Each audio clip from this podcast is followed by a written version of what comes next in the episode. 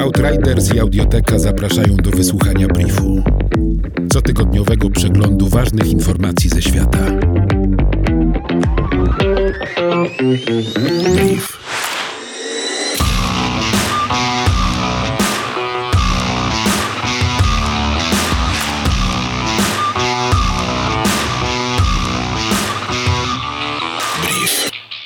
Naukowcy uważają, że przodkowie ludzi, narażeni na działanie toksyn unoszących się w powietrzu, wypracowali system obronny organizmu, który zapewnia ograniczoną ochronę współczesnym ludziom.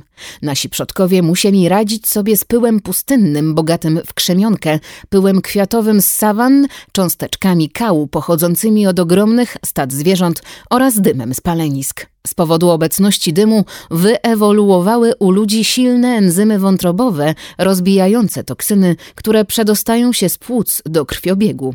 Badacze znaleźli dowód ewolucji wywołanej przez dym, innymi w genie AHR, który koduje białko w komórkach jelit, płuc i skóry. Kiedy toksyny zostają uwięzione w białku, komórki uwalniają enzymy rozkładające truciznę.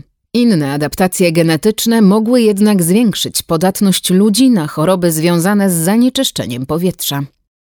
Ekspozycja człowieka na toksyny obecne w powietrzu wzrosła w wyniku rewolucji przemysłowej.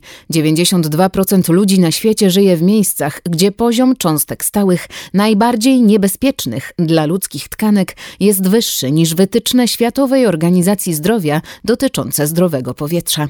Według British Heart Foundation liczba zgonów z powodu udarów i zawałów serca spowodowanych zanieczyszczeniem powietrza w Wielkiej Brytanii wynosi obecnie 11 tysięcy rocznie, ale wzrośnie w miarę starzenia się populacji i może osiągnąć ponad 160 tysięcy zgonów w ciągu następnej dekady.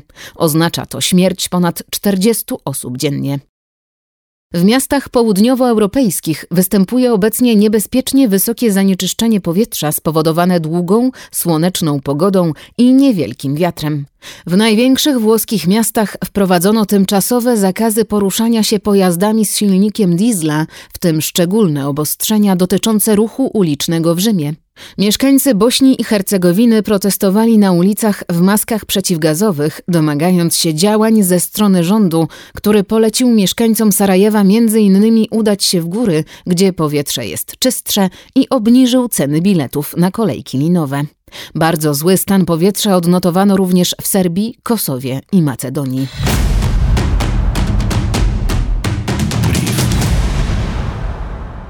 Filmy wyprodukowane dzięki technice deepfake, obróbce obrazu za pomocą programów opartych na sztucznej inteligencji, stają się coraz popularniejsze.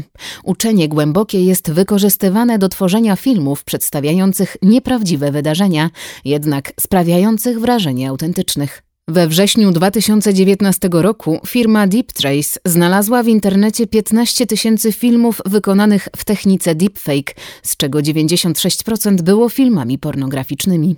W 99% tych filmów na twarze aktorek porno nałożono odpowiednio dopasowane twarze celebrytek.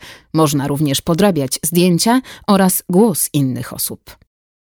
Coraz trudniej jest rozpoznawać produkty techniki deepfake ze względu na rozwój technologii. Rządy, uniwersytety i firmy technologiczne finansują badania w celu wykrywania deepfake. W grudniu 2019 roku ruszył pierwszy Deepfake Detection Challenge, projekt wspierany przez firmy Microsoft, Facebook i Amazon, w skład którego wchodzą zespoły badawcze z całego świata.